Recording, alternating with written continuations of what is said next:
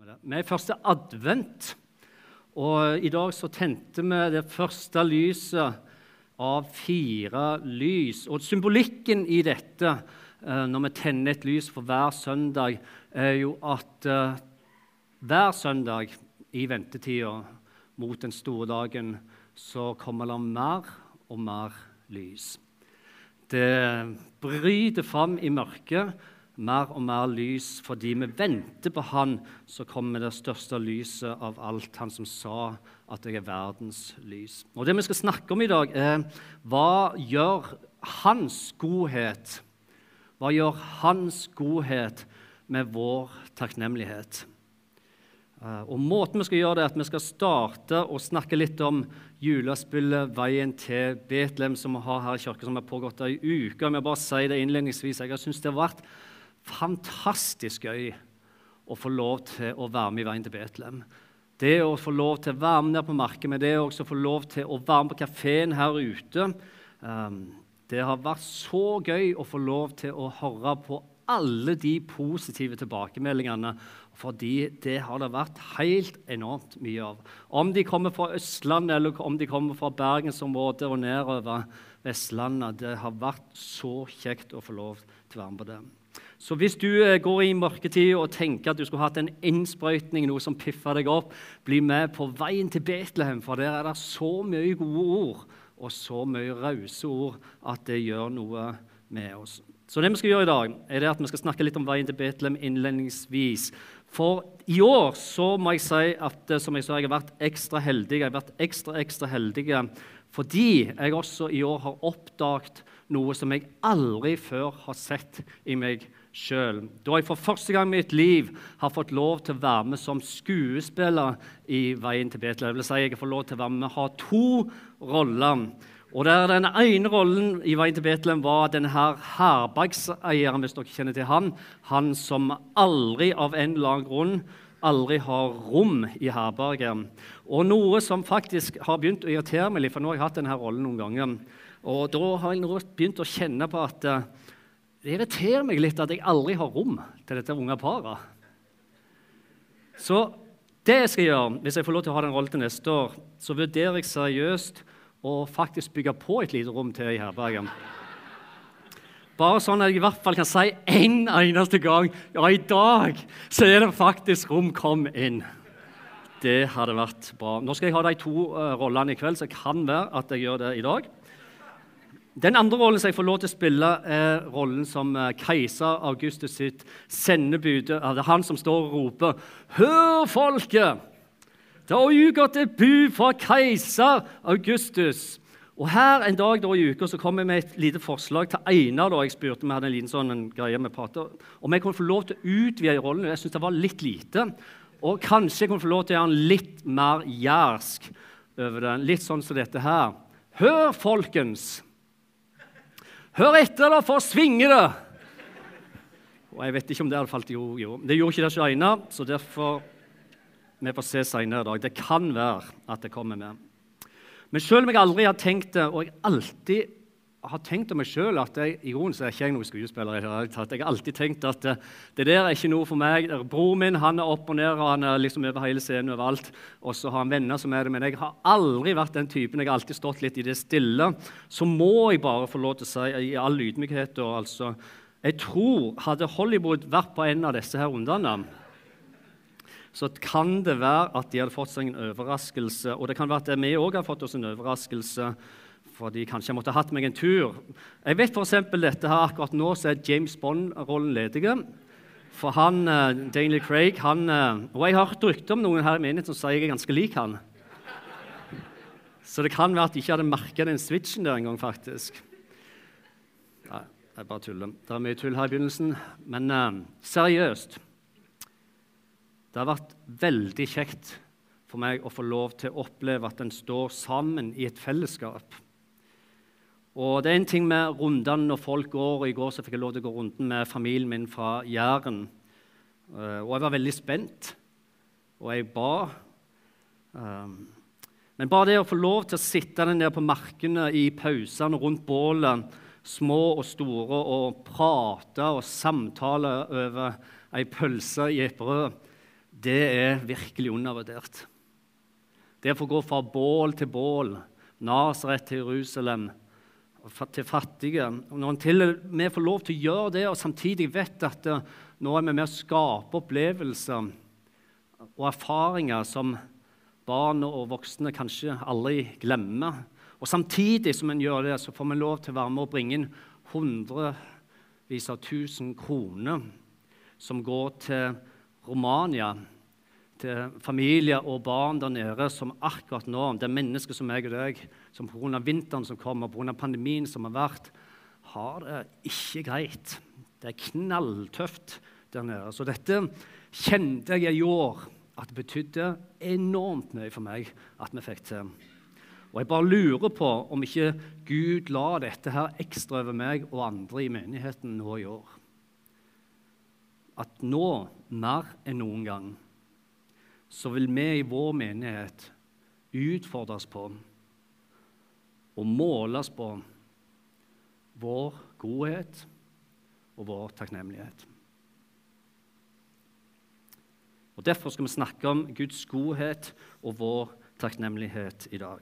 For litt over 2000 år siden var det en mann som gikk rundt i byen. og står i Bibelen at han gikk rundt i Jerusalem sin gate. Han lytta og han ba og han venta og han håpte på at han skulle få lov i sin levetid å oppleve at Gud skulle innfri dette løftet som han har gitt gjennom Israels profeter for flere hundre år siden om at det skulle fødes et barn i byen Betlehem, i en stall og av jomfru fra judastammen og fra Davids slekt.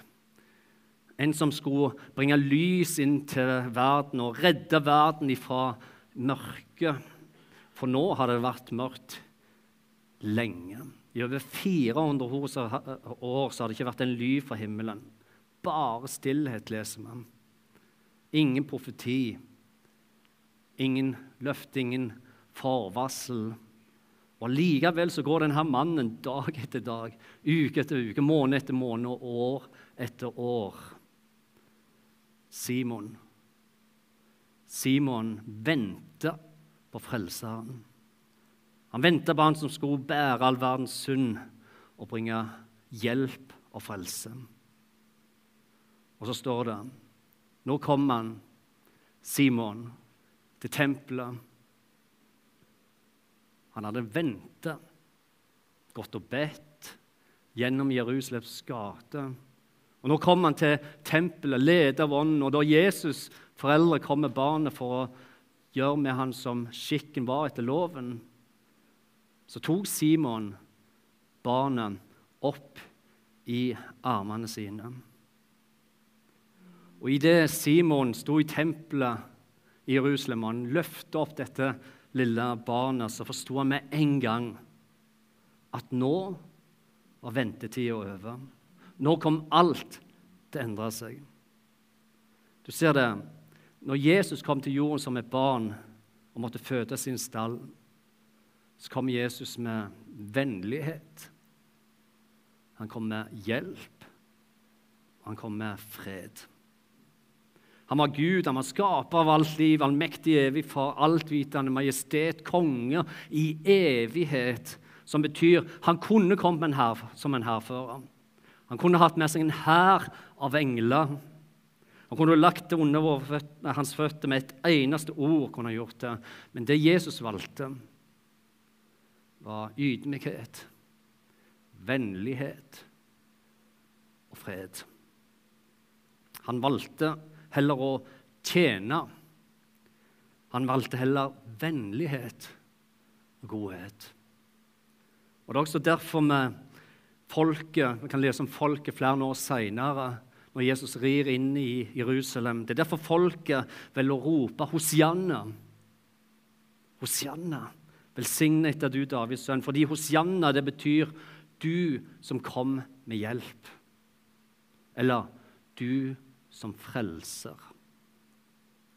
Og Det er dette som gjør at når David og kong David skal takke Gud for oppdagelsen han har gjort sammen med Gud, så skriver han det slik i Salme 145 at Herren, hvem er han? Hvordan er Gud? Hvordan er Far? Herren er nådig, og han er barmhjertig. Han er sen til vrede og rik på miskunn. Hvordan er det med Gud? Herren er god mot alle. Barmhjertig mot alt han har skapt. Han er god. Derfor valgte han å tjene. Han er god. Derfor velger han å komme med fred. Han er god mot alle mennesker. Derfor valgte han å bøye seg. Han er god.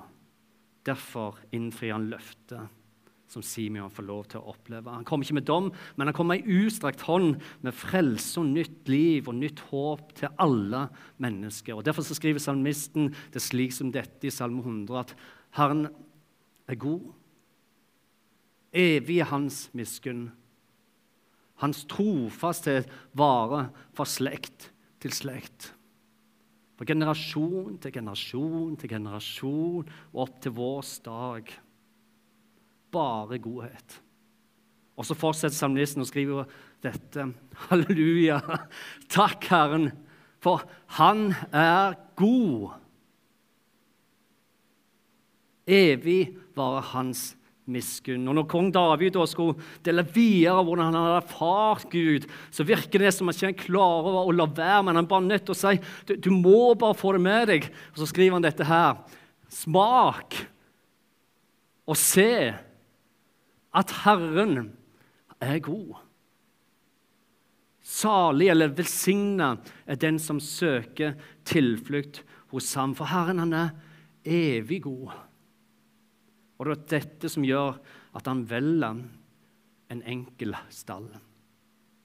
Det er dette som gjør at han velger en bortgjemt og ubetydelig by som Betlehem.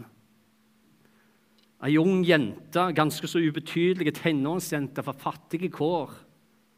I all enkelhet. Og det er så ekte. Det er så skjørt. Det er så ubeskytta.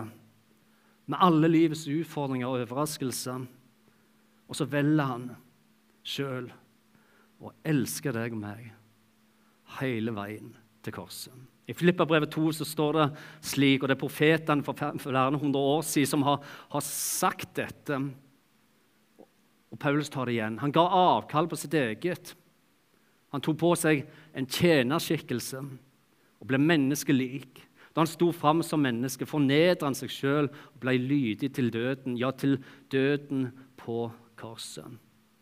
Du ser det, Guds rike er i grunnen et omvendt rike så annerledes enn det vi tenker og har rundt oss. Jesus sier f.eks. som dette her De siste skal bli de første, eller de første skal bli de siste. Han sier også om du gir, så skal du få. Og Så sier han videre den minste av dere, sånn som det skal være, skal bli den største. Og så sier han videre at vi skal elske vår neste som oss sjøl. Og Disse prinsippene, disse verdiene som han gikk rundt og delte, som står der i ord, og som er der i dag for våre liv, denne livsvisdommen er så fundamentalt annerledes enn hva den sekulære, egosentriske kulturen vi lever i dag i tingene at vi lever i vår del av verden i et samfunn der vi er blitt storforbrukere av Guds velsignelse. Vi, vi storforbrukere. Vi bruker det hver eneste dag, for vi er lov til å ta imot Hans velsignelse. Vi har i årevis fått lov til å ta imot. Vi bader nærmest i velsignelsene. Samtidig som vi blir fortalt og lært og innprintet at grunnen til det er slik, og grunnen til at vi får lov til å ha det slik, er fordi vi fortjener det.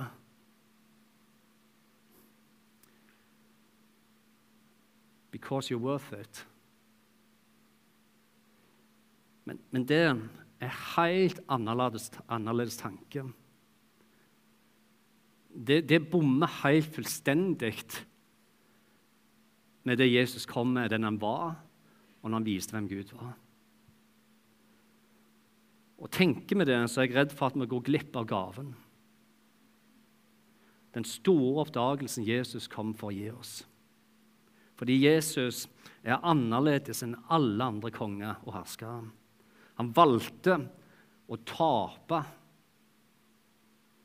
slik at vi skulle få vinne. Han vant seier når han tapte. Thomas Judin, som er forfatter og pastor, han skriver det slik som dette her, at det gode livet det er ikke noe vi velger, det er noe vi oppdager. Med andre ord, det gode livet det er her, nå i dag. Det er rett foran øynene våre, ene og alene fordi Jesus, når han ble korsfestet, valgte å gi det til oss og legge det rett framfor oss. Den store oppdagelsen er at vi alle hver eneste dag er mottakere av Guds godhet. Jesus valgte å tjene hver eneste en av oss og hans øyne de hviler på oss. Vennlige, fylt av fred. Og Det var dette Simon fra Jerusalem hadde venta hele livet på. Og det var dette Simon oppdagte, og han så når han løfta Jesusbarnet opp i armene sine i tempelet i Jerusalem.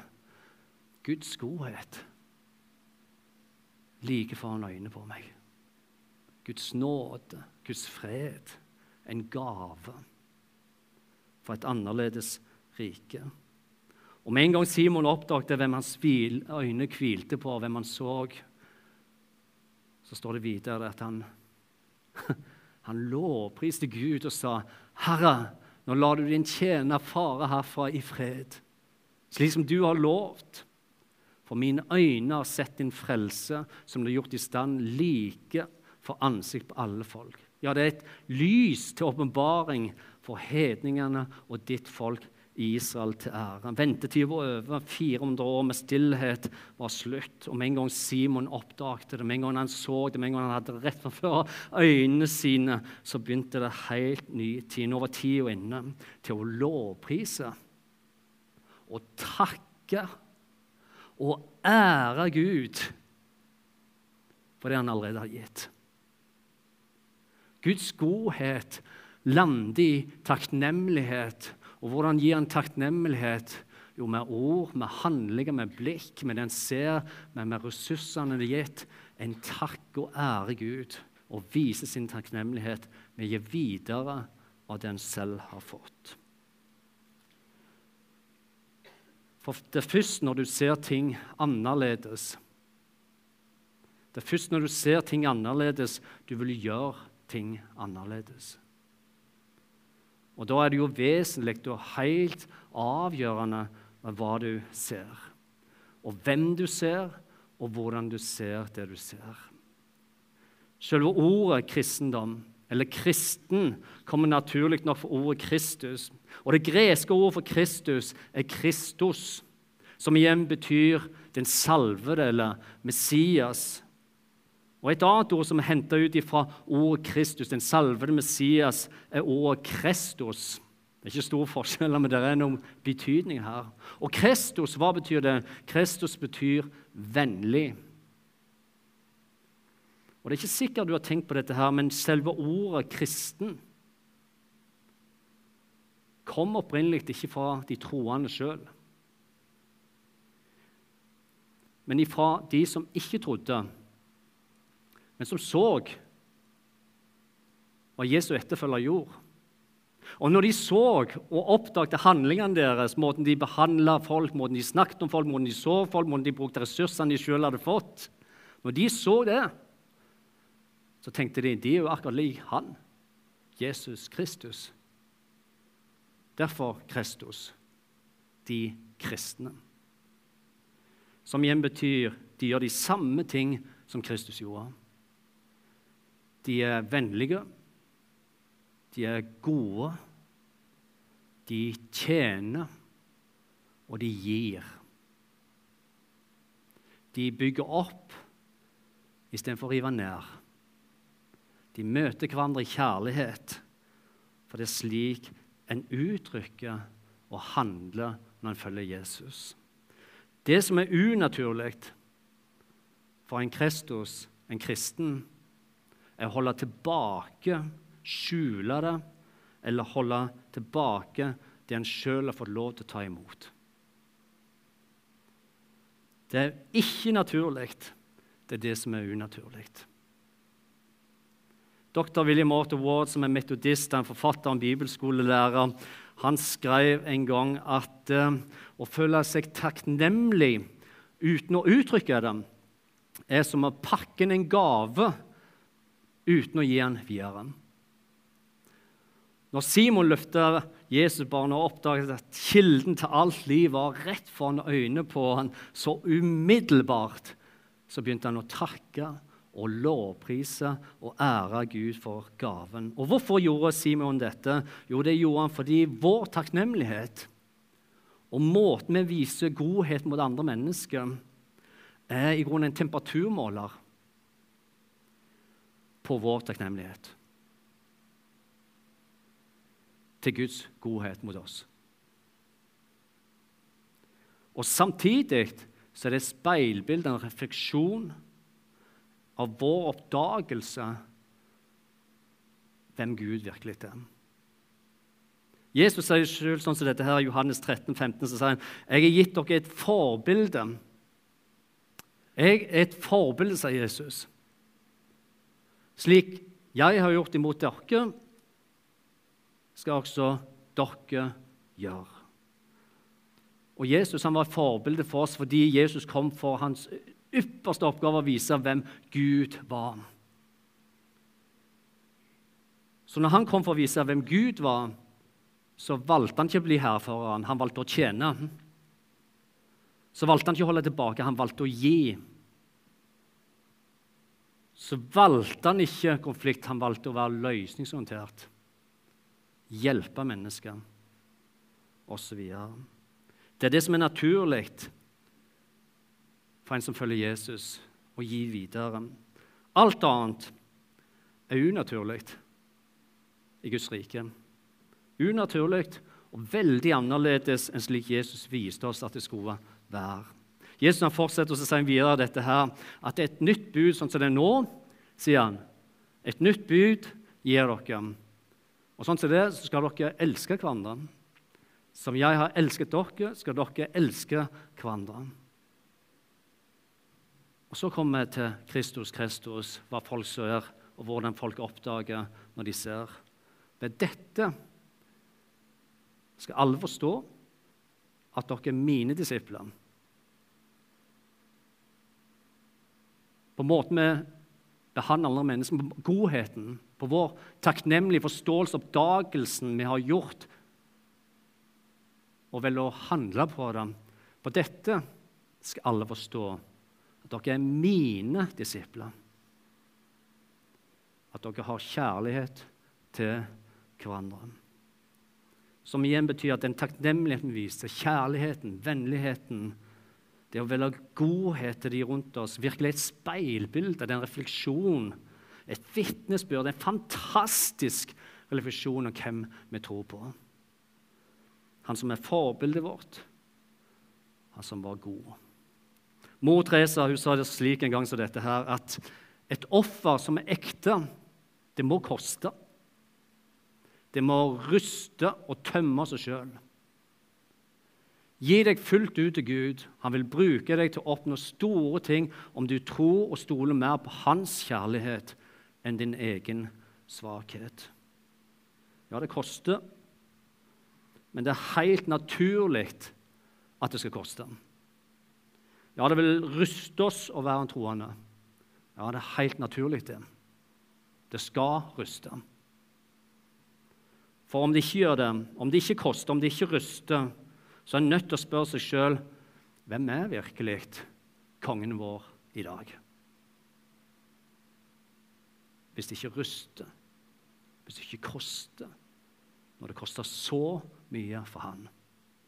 Mor Teresa skriver videre dette her, at um, i slutten av vår liv så vil vi ikke bli dømt av hvor mange diplomer vi har mottatt, hvor mye penger vi har, eller hvor mange gode ting vi har gjort. Men vi vil bli dømt av Og så siterer hun Bibelen og Jesus sine ord. Vi vil bli dømt av jeg var sulten, og du ga meg mat å spise. Jeg var naken, og du kledde meg.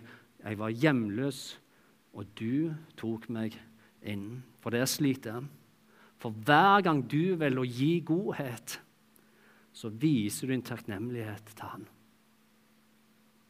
Hver gang du smiler til noen, så er det en kjærlighetshandling og det er en gave til den du smiler til. Hver gang du velger å være vennlige, er hjelpsomme, kommer oppmuntrende, gode ord, så speiler du noe av hvem Jesus Kristus var. Hver gang du velger å bøye deg ned for å løfte opp den som ligger ned, den som falt, så reflekterer du Guds godhet. Det var sånn Jesus var.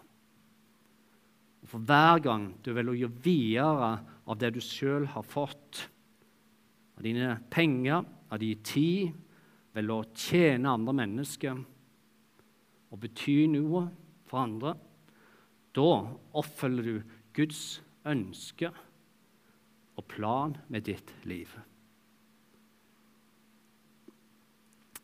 Livet ditt det er en gave. De du rundt deg har, har rundt deg en gave.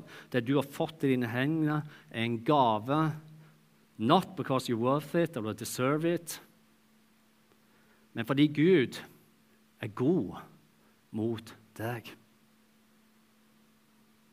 Når Jesus kom som et barn og han ble født i en stall i Betlehem, når Gud bøyde seg for å tjene oss, så gjorde han det fordi han er god. Han valgte godet slik at du skal få lov til å ta imot, slik at du skal få muligheten til å takke istedenfor å sørge. Han valgte godhet slik at du skal få lov til å være, være takknemlig med at du speiler han og viser i handling hvem du tror på.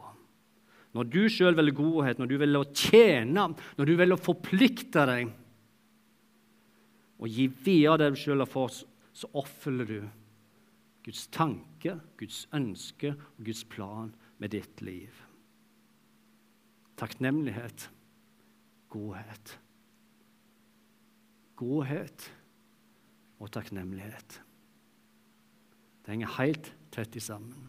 Skal vi be sammen til slutt. Gode far, takk for du er en god Gud. Takk for du er en god far som elsker hver eneste en av oss akkurat der vi er i våre liv nå, i dag, i dette sekund. Takk for muligheten du gir oss. Du velsigner oss, og, og så sendte du din egen sønn som et lite barn i en stall. Takk for at du valgte å bøye deg ned, og du tjente oss hele veien til korset. Slik at vi skal få lov til å slippe å stå alene den dagen når vi trenger deg som mest. Takk for din godhet. Takk for at vi kan få gi videre det du allerede har gitt til oss, Herre.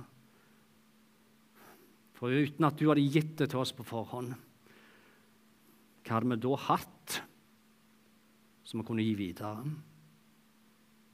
Jeg ber Herre om at det, det gode som du har begynt i den enkelte av oss, jeg ber om at det skal få vokse fram, Herre. Fortsette å vokse. Og ber om at vi skal oppdage din godhet på ny og på ny og på ny igjen, Herre.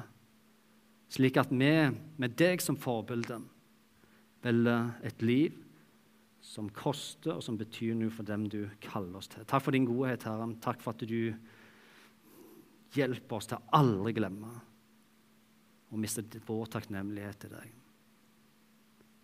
Hjelp oss til å være en forskjell. Hjelp oss til å våge å være annerledes. Og hjelp oss til å være gode mennesker som sprer din godhet. I Jesu navn. Amen.